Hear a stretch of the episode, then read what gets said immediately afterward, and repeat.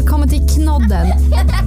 En podd där du får experternas svar på frågor som rör allt du kan behöva veta i småbarnsåren. Podden skapas av föräldrapodden Norrlandspäron och Knodd, vårdappen som är specialiserade på just det här med barnhälso och sjukvård. Och vi förstår att du som förälder vill lära dig mer om ditt barns hälso och utveckling. Därför säger vi varsågod till ett fantastiskt avsnitt av Knodden. Hej Pontus! Välkommen till Knodden! Tack så hemskt mycket. Hur är läget med dig? Med mig är det jättebra. Det, ja, det händer jättemycket på alla möjliga håll och kanter. Så att det är spännande. Ja. Spännande. Ja, och just nu sitter du i en liten skrubb ser det ut som. Ja, precis. Nu befinner jag mig hemma i en vindsskrubb då full av massa gamla kläder och filtar och tyg som enligt, enligt dina order för att få ett så bra ljud som möjligt. Jag är hård när det kommer till sånt.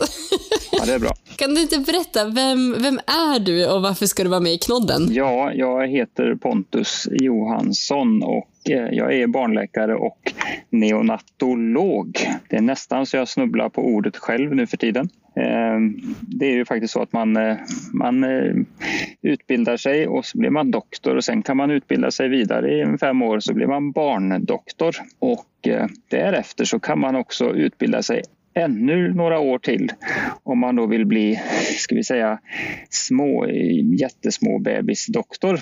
Det vill säga neonatolog som tar hand om sjuka nyfödda. Det handlar inte bara om eh, barn som är för tidigt födda utan alla nyfödda bebisar som de flesta eh, är oftast lite för tidigt födda eller mycket för tidigt födda. Men även andra som är födda i, i fullgången tid kan ju vara sjuka på olika sätt när man föds. Så det de jag har haft, eller har mycket fokus på att ta hand om. Ja, och idag ska vi prata om någonting som ligger mig väldigt nära hjärtat, nämligen just för tidigt födda barn. Ja. Jag har ju tvillingar som idag är fem år, eh, men när de föddes så kom de alltså i vecka 30. Just det. Så jag har ju gjort den här resan med dem. Eh, men det är mycket som jag fortfarande känner att jag vill veta. Så du kommer få svara på massa spännande frågor idag. Känns det okej? Okay? Oj, ja. Det känns alldeles utmärkt. Bara du inte undrar vilket betyg de kommer att ha i nionde klass. Äsch då, du kan inte svara på det alltså? Det kommer jag inte kunna svara på. Aj, jag hade hoppats på det. Nej. Det är näst, lite det en del föräldrar undrar, men vi kommer dit. Ja. Men jag tänkte så här, om vi börjar med lite fakta. Hur många barn i Sverige föds för tidigt? Man brukar säga att ungefär eh, 6 procent av alla barn eh, föds för tidigt. Och om vi då i Sverige räknar att eh, vi kanske har 110 000 förlossningar om året någonstans kan man räkna där att då, landar vi där kanske 6-7 000 barn. Och då får vi, måste vi ju i samma andetag berätta vad vi menar med att vara född för tidigt. Och det innebär ju att man är född före vecka 37. En normal graviditet är ju 40 veckor lång och är man född ska säga då, till och med vecka 36 plus sex dagar, då är man ju för tidigt född. Ja, det är spännande, men det måste ju finnas en gräns någonstans också. Neråt menar du? Ja, precis. Gränsen för, för när man tänker att, att man ska satsa och göra någonting. Ju, I Sverige säger vi då vecka 22 plus 0 idag och det är ju jättetidigt. Eh, vi i Sverige är ju generellt faktiskt, vi är dåliga på det som svenskar att framhäva oss. Men i det här, på det här området så tycker jag att vi ska vara lite med näsan i vädret och, och framhäva oss. För vi är väldigt duktiga på neonatalvård som det heter då, att ta hand om de här barnen. Eh, och vi satsar, eller satsar vid, det är så många omständigheter men någonstans så säger man vecka 22 plus 0, där har vi en, en möjlighet att göra någonting. Och eh, att kunna hjälpa de här barnen och, och komma vidare med så så få men som, som möjligt.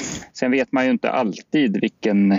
Ja, det kan ju vara viss osäkerhet i datering. Har vi en, en provrörsbefruktning då är man ganska klockrent säker på när det var men ibland kan det ju sväva lite grann så att det kan ju hända att vissa barn är både yngre och, och äldre. Mellan vecka 37 och ner till vecka 22 så alltså finns det väl också tre olika vad säger man, grader av för tidigt födda barn? Man säger grovt då vecka 32 till 36 så är man liksom, ja, för tidigt född men inte eh, jättemycket. Och är man då från 28 så är man liksom måttligt för tidigt född. Och 20, vecka 28 till 32 så är man eh, liksom mycket för tidigt född och under vecka 28 så kallar man då för extremt för tidigt född. Om man pratar om ett barn som då föds eh, måttligt för tidigt, alltså lite för tidigt, eh, vad, vad, kan man vänta sig när, när ett sånt barn kommer till världen? Ja, alltså då är det ju som vi sa då 32 till 36. Eh, om man ja, i, i, mina kläder hör talas om att ja, det kommer nog födas ett barn här i, idag eller i natt som är i vecka 33 eller 34. Och då tänker jag som neonatolog att ja, ja, det är inte speciellt spännande överhuvudtaget.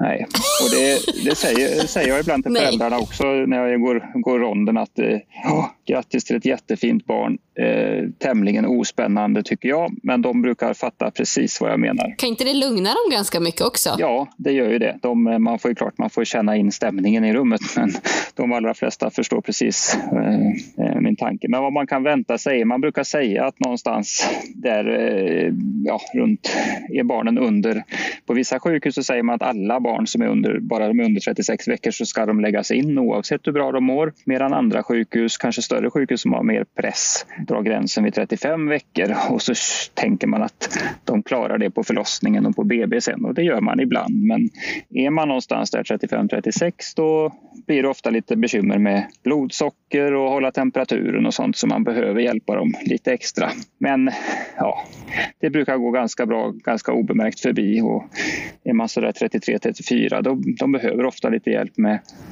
maten, att man får stoppa ner en liten slang i magsäcken och ge dem mat den vägen till att börja med innan amning eller flaskmatning eller hur man nu går vidare, kommer igång. Men sällan eh, att de råkar ut för något, något större bekymmer på något sätt. Vad skönt. Om vi då går till mycket för tidigt födda? Ja, du menar mellan, mellanskiktet, så 28 till... Mellanskiktet, mellan 28 och 32 då? Ja, det är ju så, det är så många omständigheter när de här barnen föds. Det är inte bara eh, hur tidigt de är födda. Eh, men det är klart att ju tidigare desto större är ju risken att, någonting, eh, att det blir bekymmer med någonting förstås.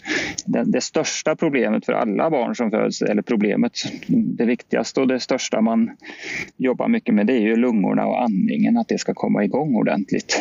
Och kommer vi till exempel då till 28-32 så är det större risk att de drabbas av det man kallar för RDS. Det står för Respiratory Distress Syndrome. Det är en form av någon slags inflammation kan man säga. att Lungorna är lite stela, de är inte så uppluftade. Det kan vara så att det är brist på, saknas eh, ett ytspänningsnedsättande ämne som heter surfaktant. Det är som diskmedel kan man säga när man häller diskmedel på vatten så minskar ytspänningen och det kanske du har provat eller sett när man har mm. gjort någon gång. Man kan lägga ett, ett blad på en vattenyta eller eh, ja, de här elaka barnen där jag bodde, där det var såna här harkrankar som gick på vattenytan så hällde man i diskmedel så sjönk de. Eh, men det handlar om att när barnet föds så är ju barnets lunga, lungor har ju varit fyllda med vatten och då är de som en liten våt plastpåse som man ska försöka öppna upp. Och då behöver man lite diskmedel som minskar den här ytspänningen.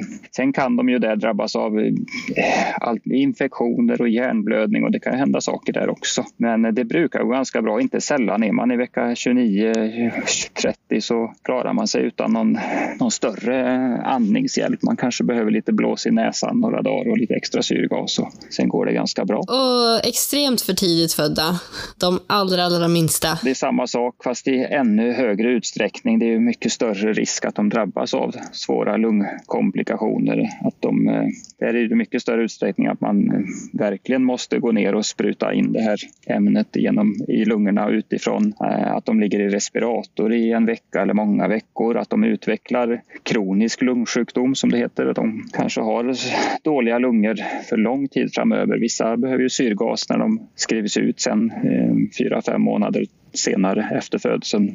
Ja, de är mycket känsligare, skörare generellt för blodtryckssvängningar, att man får någon hjärnblödning eller eh, ja, andra skador i, i hjärnan är inte helt ovanligt. Men då måste jag ju poängtera om det nu är någon som i detta nu lyssnar och, och är i den situationen eller precis kommer eller kommer att hamna i så just ordet hjärnblödning är väldigt laddat.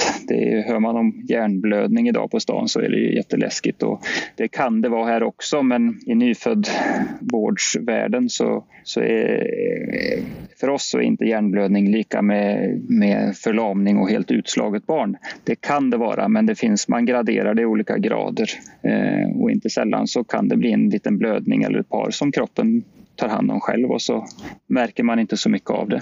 Barn generellt är ju så, har ju så förvånansvärt mycket inneboende kraft som man inte riktigt förstår var det kommer ifrån. Klarar väldigt, väldigt mycket. Ja, man blir imponerad av dem. Ja. Min, eh, min dotter, Leia, hon hade ju faktiskt eh, hjärnblödning när, när hon föddes. Och man som förälder får ju upp pulsen rejält. För som sagt, man förknippar det ju med något väldigt stort och väldigt hemskt. Precis. Ehm, men vi fick det också förklarat som att, eh, som att det ibland också blir som ett blåmärke, fast i hjärnan. Mm. Att det, de, de höll ju liksom koll på det och sa att ja, men nu är det lite som ett gult blåmärke här. Vi ser att det finns kvar, men det håller på och läker. Ja, men det, det är precis så. Man, man gör ju, det vet du då, då man, man tittar med ultraljud och följer detta. Och i, i, ja, de allra yngsta och så om det är stora förändringar så gör man en magnetkameraundersökning av hjärnan längre fram. Så man har ju bra koll på, på detta. Men nu kommer ju den här frågan då. Varför föds barn för tidigt? Vad, vad är det som händer? Ja, det är en jättebra fråga. Eh, och man, man vet inte riktigt mekanismen. Man, ser ju, man vet ju vissa faktorer runt om. Ja, det kan vara en infektion hos mamman. Eh, ja, I ditt fall då tvillinggraviditet är en ökad risk. Eller eh, alltså multigravida, både trillingar och andra förstås. Eh, stress, jäkt. Eh, har man ett för tidigt barn, fött barn tidigare så också viss ökad risk att man får det igen. Och det som är så spännande där nu är ju att det är färre för tidigt födda nu efter våren än vad det har varit innan. Man har ju sett en viss nedgång. Jag har inga siffror. Nu ser jag att du gapar. Ja, du gapar med både munnen och ögonen. ja, men det är jättespännande. Men är det för att vi liksom har varit tvingade att ta det lugnt, tror du? Ja, jag tror det. är Två, I alla fall två spontana reflektioner. Att vi precis mindre stress, tagit lite lugnt, även om corona stressar på andra sätt kanske vissa, men mindre stress och framförallt så tror jag också att hygienmässigt så är vi ju oändligt mycket duktigare på att hålla oss ifrån och bli smittade av olika saker som då kanske är just utlösande eh, hos vissa. Så att det är ju rena spekulationer, eh, men man har reflekterat att det är färre nu sedan det här drog igång i mars-april. Min förlossning med, med tvillingarna, eh, det var att vattnet gick. Och sen satte verkarna igång och sen var det inte så mycket mer utan 12 timmar senare så var de ute och låg i en kuvös. Vad, vad, är en kuvös och varför stoppar man barnen där? Ja, och du, ja, en kuvös är ju är som en liten glasbur kan man säga, eh, om man inte har sett den. Man kan ju googla på kuvös och så får man se hur den ser ut. Men det är, det är ju liksom en liten, en liten, liten, liten säng som är omgiven av plexiglas. Och inuti där så försöker man, tanken är ju att man helt enkelt ska försöka efterlikna miljön i livmodern så mycket som möjligt. Ett barn som är född i vecka 23-24 skulle ju, ha ju många månader kvar som det egentligen skulle ha både värme och fukt och lite mörkt och det liksom ska skydda barnet. Sen finns det ju små luckor som man öppnar när man behöver sköta barnet eller göra vissa saker. Så att eh, jag skulle säga enkelt eh, uttryckt en, en konstgjord livmoder. Mm. Vad, vad, skulle du säga är bäst? Att låta barnet ligga i en kuvös eller det här man har hört talas om, eller som vi gjort, att sitta med dem i kängurubehandling? Alltså att man har dem hud mot hud? Ja, alltså spontant så, så säger vi ju att hud mot hud och känguruvård som det kallas då, eh, av förklarliga skäl med namnet, så är ju det det vi försöker att få till så mycket som möjligt. Sen finns det ju gränser för ehm, ja, när barnet är extremt skört. Men jag vet ju ställen där man eh, är betydligt duktigare än andra på detta och mer van vid det. Och man, då försöker man ju, alltså till och med när barnet då ligger i, med en liten slang i luftvägarna och i respirator och andra slangar och sladdar så försöker man ändå så mycket som möjligt ha barnet på, på bröstkorgen hos mamma eller pappa eller någon annan partner. Och på vissa håll har jag också sett att man, man eh, om man praktiserar eller så vet jag lite osäkert men eh, man tänker också att till och med alltså, andra nära anhöriga kan vara med i den här vården. Det kan ju vara ensamstående förälder eller så har man två eh, vårdnadsgivare. Och, men man vill ändå liksom försöka ha barnet så mycket som möjligt hud mot hud och tar in andra anhöriga också. Eh, om alla tycker det känns okej okay, så att säga. Eh, för det är väldigt mycket värt. För där får man ju värmen och, och framförallt så känner ju barnet eh, ett extremt lugn. Men eh, ja, jag vet ju, det finns ju jag hittade ett, ett litet bolag som eh, har tagit fram en liten gelmadrass som just ska röra sig och som ska, där föräldrarna kan spela in sina röster och musik och annat och liksom stoppa in i någon liten eh, USB-uttag för att den här madrassen ska låta av dem. Och ja, det finns mycket idéer kring detta. Vad häftigt ändå. Vi har ju pratat lite grann om vad största utmaningen för de här små barnen är när de föds. Men vad skulle du säga är största utmaningen för föräldrar åldrar så där i början, när man hamnar på neonatal med för tidigt födda barn? Det är nog väldigt många delar. Jag tycker att mitt intryck är att de flesta föräldrar klarar av det väldigt väl, men det är ju en, eh, det är klart att det är ju alltid en chock Ibland så kommer mammor in eh, tidigt med ja, för tidig vattenavgång eller man kan ju vara liggande i flera veckor innan själva förlossningen kommer och då hinner man lite grann och landa ner och förstå att det kommer att hända någonting här nu mycket, mycket tidigare än vi hade planerat. Men ofta är det ju en chock. Eh, men tack vare att vården är så föräldracentrerad som den är idag. Det var inte jättemånga år sedan egentligen ändå. Det var väl före min tid förvisso men eh, man har hört talas om äldre kollegor där barnen liksom lades i kuvös och på rum och föräldrarna fick ju knappt vara där. Man fick ju se barnen en, genom en glasruta. Liksom. Men tack vare att föräldrarna får vara och ska vara så delaktiga så, så går det ofta väldigt bra. Och föräldrar idag är ju ofta väldigt, och blir då när man ligger där, väldigt pålästa och man lär sig och ju mer man kan desto lättare blir ju saker och ting. Det, ja, du känner säkert igen det där också. Ja, man är duktig på att googla. Man blir duktig på att googla. Det gäller bara att man googlar på rätt saker och på rätt sidor. Kan det vara jobbigt att du möter föräldrar som, som har googlat för mycket? Ja, eh, det beror på vilket humör man är på den dagen. Där kan man ju uppleva att föräldrar är skitjobbiga emellanåt. Men sen får man hela tiden någonstans ha med sig att eh, det är klart att det finns ju ett skäl också. Det är mycket oro. Man får ju försöka och vissa, det är väldigt olika, men vissa får man ju ta, med, ta lite i nackskinnet och styra upp. Och, men du, du kan inte läsa Pernilla Wahlgrens blogg om när hon födde barn och sen bakade bullar dagen efter. Liksom, det är inte representativt. Nu var det olyckligt att eh, omnämna henne kanske, men eh, eh man, ska, man ska läsa och titta på, på rätt, rätt forum. Och det kan man ju få hjälp med av, av oss på sjukhuset förstås. Men jag tycker jag ser det som en fördel att eh, föräldrar läser på och eh, blir kunniga. Det blir roligare. Alltså, eh, I positiv bemärkelse roliga upplevelser när föräldrarna är pålästa. Och ibland försöker vi också att man har ronden tillsammans med föräldrarna. Man sitter och snackar det vanliga och, och de blir ju så duktiga på detta så man behöver inte hålla på och och försöka skriva om ord och grejer. Att de, de lär sig, de vet vad, vad duktus är, de vet vad olika konstiga ord betyder. Ja, men det kommer jag ihåg från första dygnet när man hamnade där, då allt var, man förstod ju ingenting vad, man, vad, det, vad som sades eller vad som pratades i förbifarten mot när man skrevs ut. Då var man ju helt med. Jag kommer ihåg när vi landade hemma och min, min dotter började se lite blek ut. Mm. Och min man direkt sa, vet du vad? Ja, hon, hon har dåliga blodvärden. Vi åker in, hon ska få lite blod här. Ja. så ringde han och sa ja. det. Och så var det ju så. Det var så här, ja, men så var det ju. För man lär sig ju så mycket av er. Ja, det, det gör man. Och det är så man, man ska se det. Jag försöker säga också att ja, ni kommer att behöva vara här några veckor, men se det som en fördel. Ni kommer att lära er jättemycket. Ni får ju världens utbildning på era barn, eller ert barn. Eh, till skillnad från alla stackars satar som får åka direkt hem efter BB eller förlossningen och ställa sig i hallen med barnet där och vet inte vad de ska göra. Så att lite skämtsamt, men det, mm. det är absolut... Ja, men så är det. Ja, men vill man se något positivt så är det verkligen en av de bästa sakerna. Ja, det är det absolut. Första dygnet då, om ett barn föds för tidigt? Hur, hur kritiskt är det första dygnet? Ja, då är vi tillbaka till eh, liksom hur tidigt barnet är fött.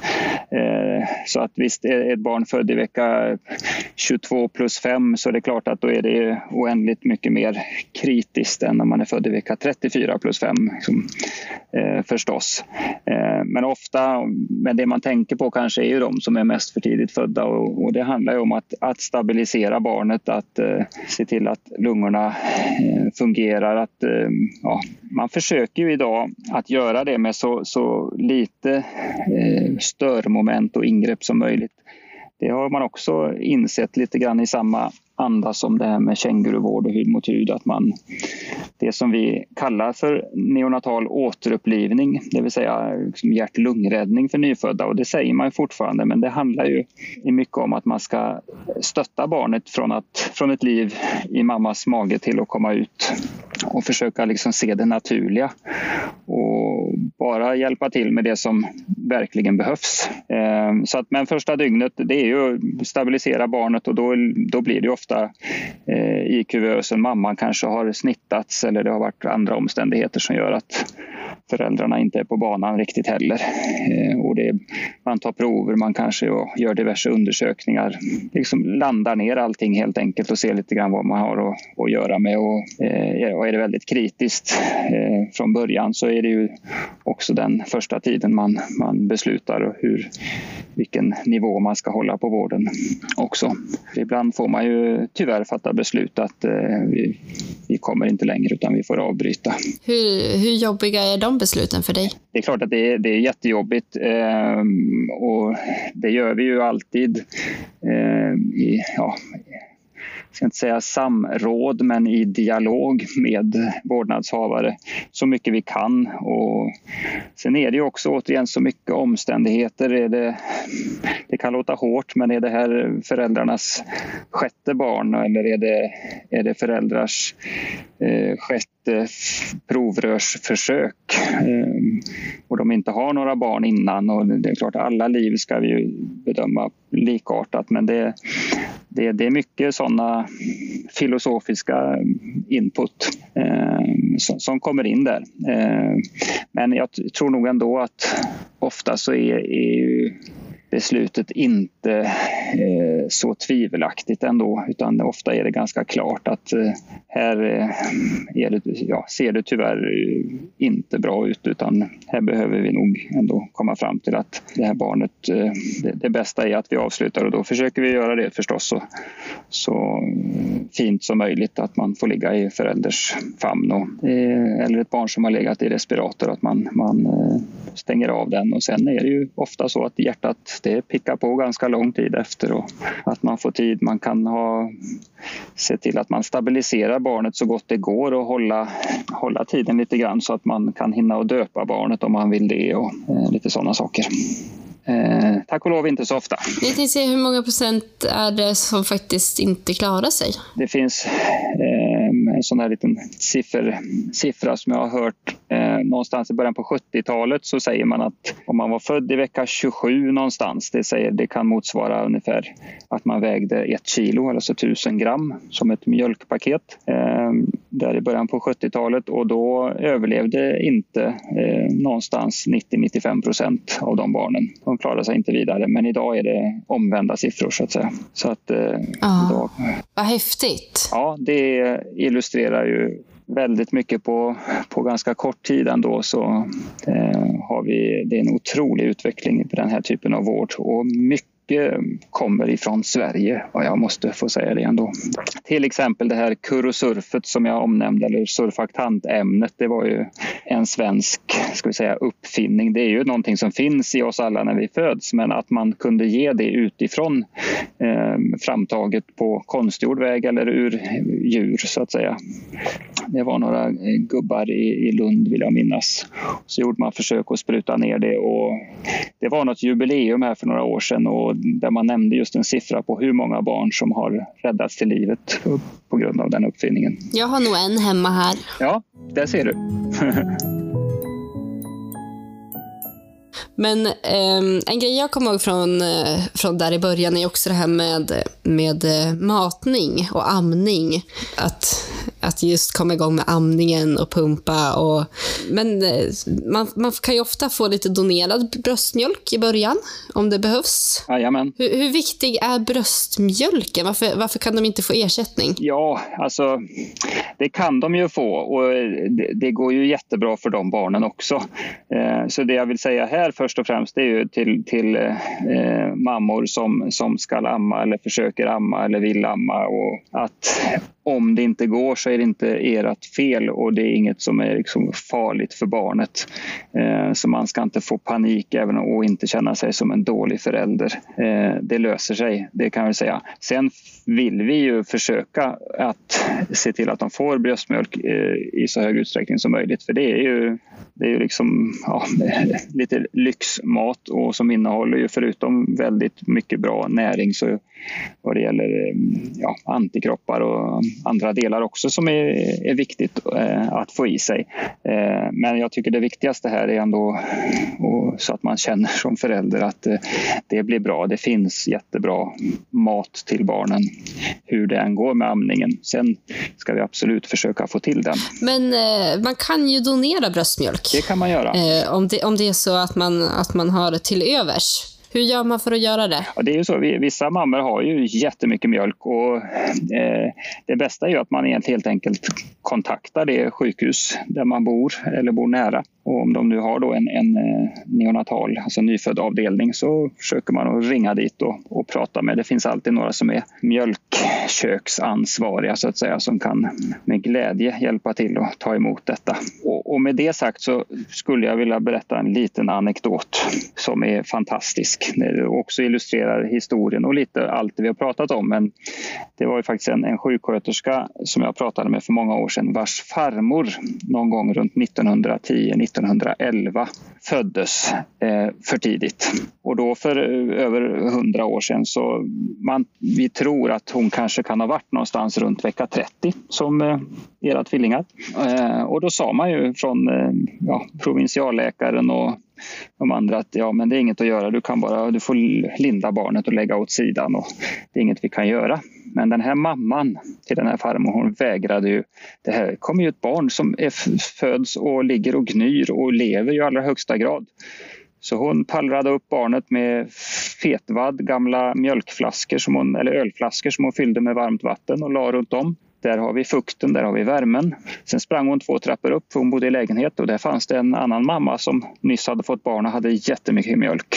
Och så fick hon av henne, sprang ner och matade med sked. Eh, och ni förstår ju att det här var ju, det, var ju, det blev ju en farmor av det här barnet så att hon levde länge. Så att det här illustrerar ju det basala. Vi, det är ju det vi försöker att efterlikna och inser idag att hålla, ja, hålla oss till det basala helt enkelt. Så brukar det gå, gå bra. Det blir oftast ganska många veckor, i alla fall för barn som föds ganska tidigt, ehm, att bo på sjukhuset och komma in i en vardag där. Vad skulle du säga är, är utmaningen för, för både föräldrar och barn under de här veckorna när man bor på, på sjukhuset? Det blir ju jättetufft. Det är ju, ja, för de här föräldrarna likväl som andra. Det finns ju barn med, barn med hjärtfel, barncancerbarn och ja, många familjer som, som har eh, jättetuffa. Och just för de här barnen så blir det som vi sa, det kan ju bli både tre och fyra månader på sjukhus. Och finns det syskon också så är det ju tufft att få till det. det är, någon är hemma med syskonet om man inte har far och morföräldrar. Och, och, och, i dessa tider nu så har vi gjort så att vi kan bara tillåta en förälder i taget också med tanke på coronasmittan. Och, så att det, det finns ju psykologer och kuratorer och ja, även kyrkan har ju personal. Och, så det finns ju många att prata med och som är duktiga på och vet vad det här handlar om. Eh, så det ska man absolut ta emot den hjälpen. Sen är det inte alltid att man, man är en person som tycker att, ja, att man har någon, någon större glädje av det. Men det finns jättemycket hjälp och stöd. Och en kurator är inte bara en prattant så att säga, utan det är en person som kan hjälpa till med all, alla pappersgrejer vad det gäller sjukskrivningar och försäkringskassekontakter och annat sånt där tråkigt som man inte har ork och lust att lägga tid på.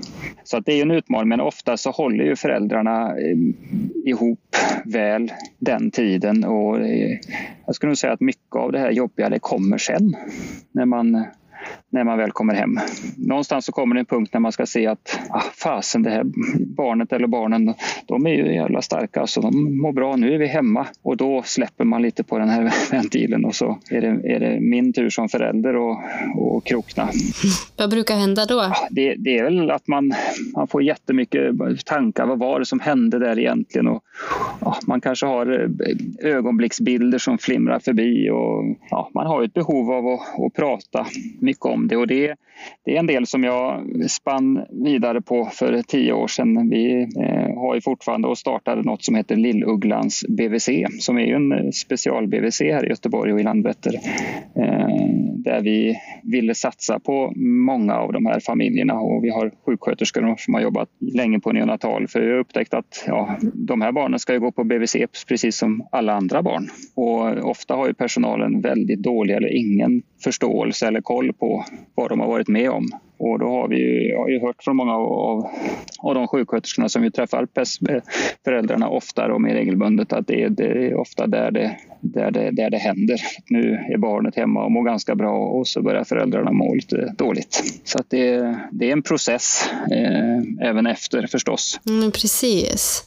Men förutom eh, att man själv kanske, jag känner igen mig mycket i det du säger, att man, man är ju ganska uttömd på alla sätt och vis när man, när man får landa hemma. Eh, men vad skulle du säga, är det någonting som föräldrarna är mer oroliga för när det kommer till barnen? Alltså märker ni att, att man hör av sig ofta eller hur, hur är man? Ja, det är många föräldraansikten och barn också som fladdrar, fladdrar förbi eh, nu kan jag säga. Eh, och de som fladdrar förbi, eh, skulle säga att det är beundransvärt starka föräldrar och som är såna rackare på att vara just föräldrar och ta hand om eh, de här barnen. Det är, ja, jag, eh, man får nästan rysningar när jag bara tänker på det här men eh, de är ju väldigt duktiga. Nu har jag till och med glömt bort din senaste fråga här men det handlar om, om, om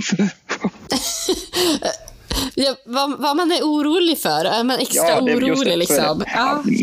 ja. men det, det, klassiska är ju, okej, okay, är den mer infektionskänslig? Ska vi vara försiktiga? Och det gäller tycker jag, alla nyfödda. Man ska inte åka till Ullared eller sådana eh, vedervärdiga ställen. Det ska man inte göra ändå.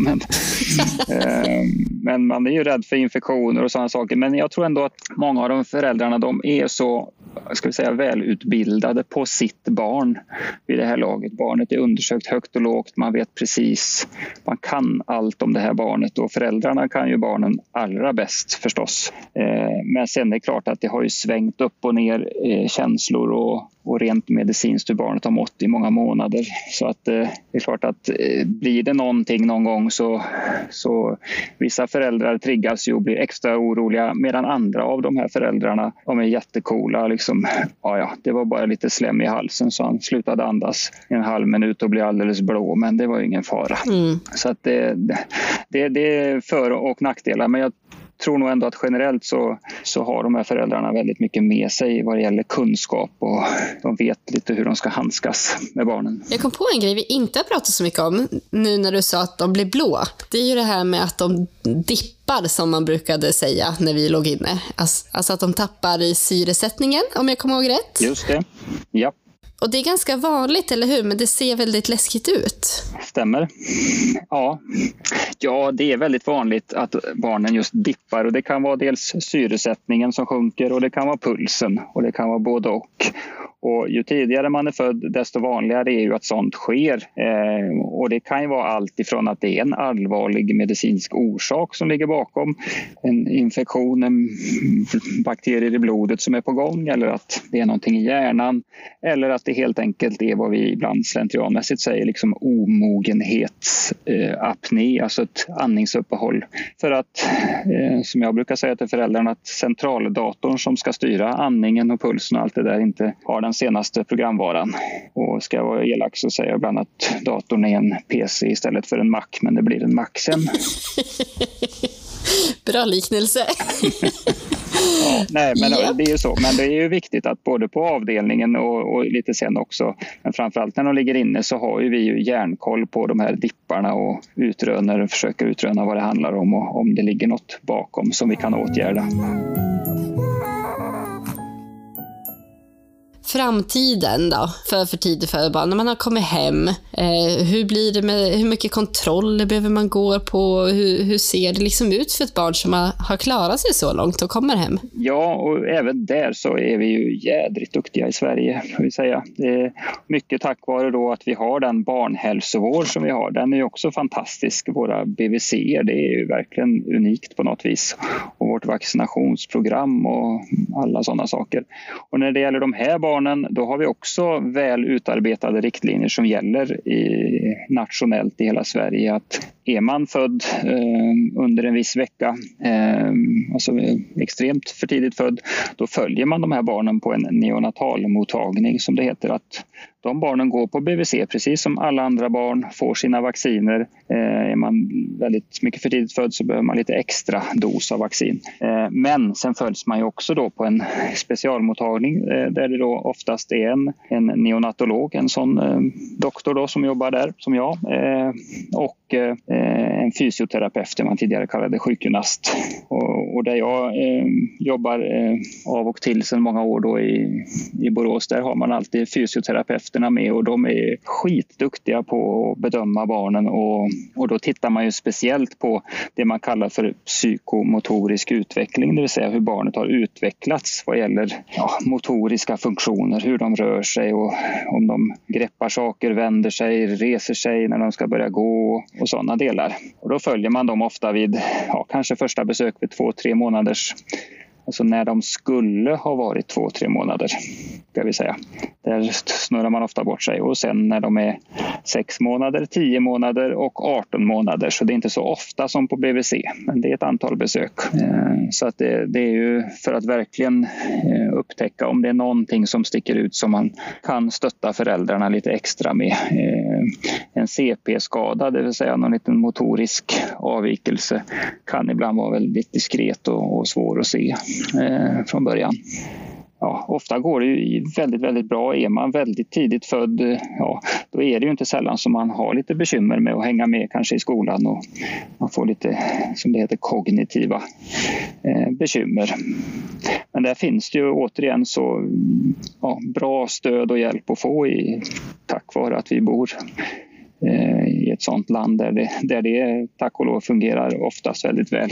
Vad skulle du vilja säga till alla prematurföräldrar som lyssnar? Kanske de som har varit eller de som är där just nu? Ja, vad ska jag säga? Jag skulle säga grattis till fantastiska bebisar som ni, som ni har fått eller kommer att få. Absolut, och barn är ju, och det är det som gläder mig var, varje dag, när de här, man ser de här små bebisarna, det är ju de som kommer att, förändra den här bitvis eländiga världen vi bor i.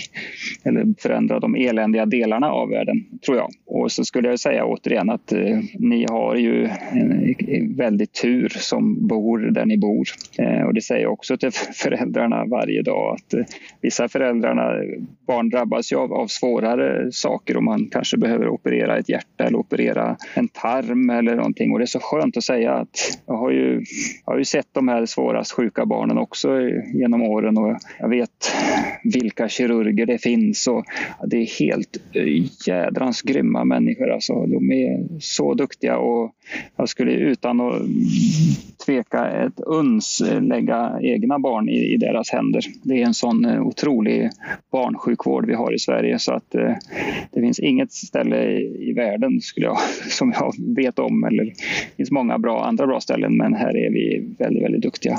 Och ja, det kommer, att, det kommer att vara jättetungt om man ligger där flera månader. Det kommer att vara skittungt och mycket berg och dalbana. Man kommer att skratta och man kommer att gråta och man kommer att må jättebra och jättedåligt. Men det viktiga är att man, ja, man tar en dag i taget och använder sig av det stöd som finns. Mm, verkligen. Bra sammanfattat tycker jag. Vad bra. Men Pontus, tusen tack för att du var med och berättade om allt det här. Ja, men tack själv. Tack att, vi, att jag fick eh, vara med och prata med, ja, till och med en mamma då till sådana här tvillingar. Är, du vet ju precis och du vet, vet mycket mer än jag om detta. Ja, men helt fantastiskt Pontus igen, tack för allt du gör för de här små barnen och tack för att du var med i Knodden. Tack själv. Det var väldigt trevligt. Ha en fin dag. Nu ska jag släppa ur dig ur skrubben. Det är bra. Lugnt. Tack ska du ha.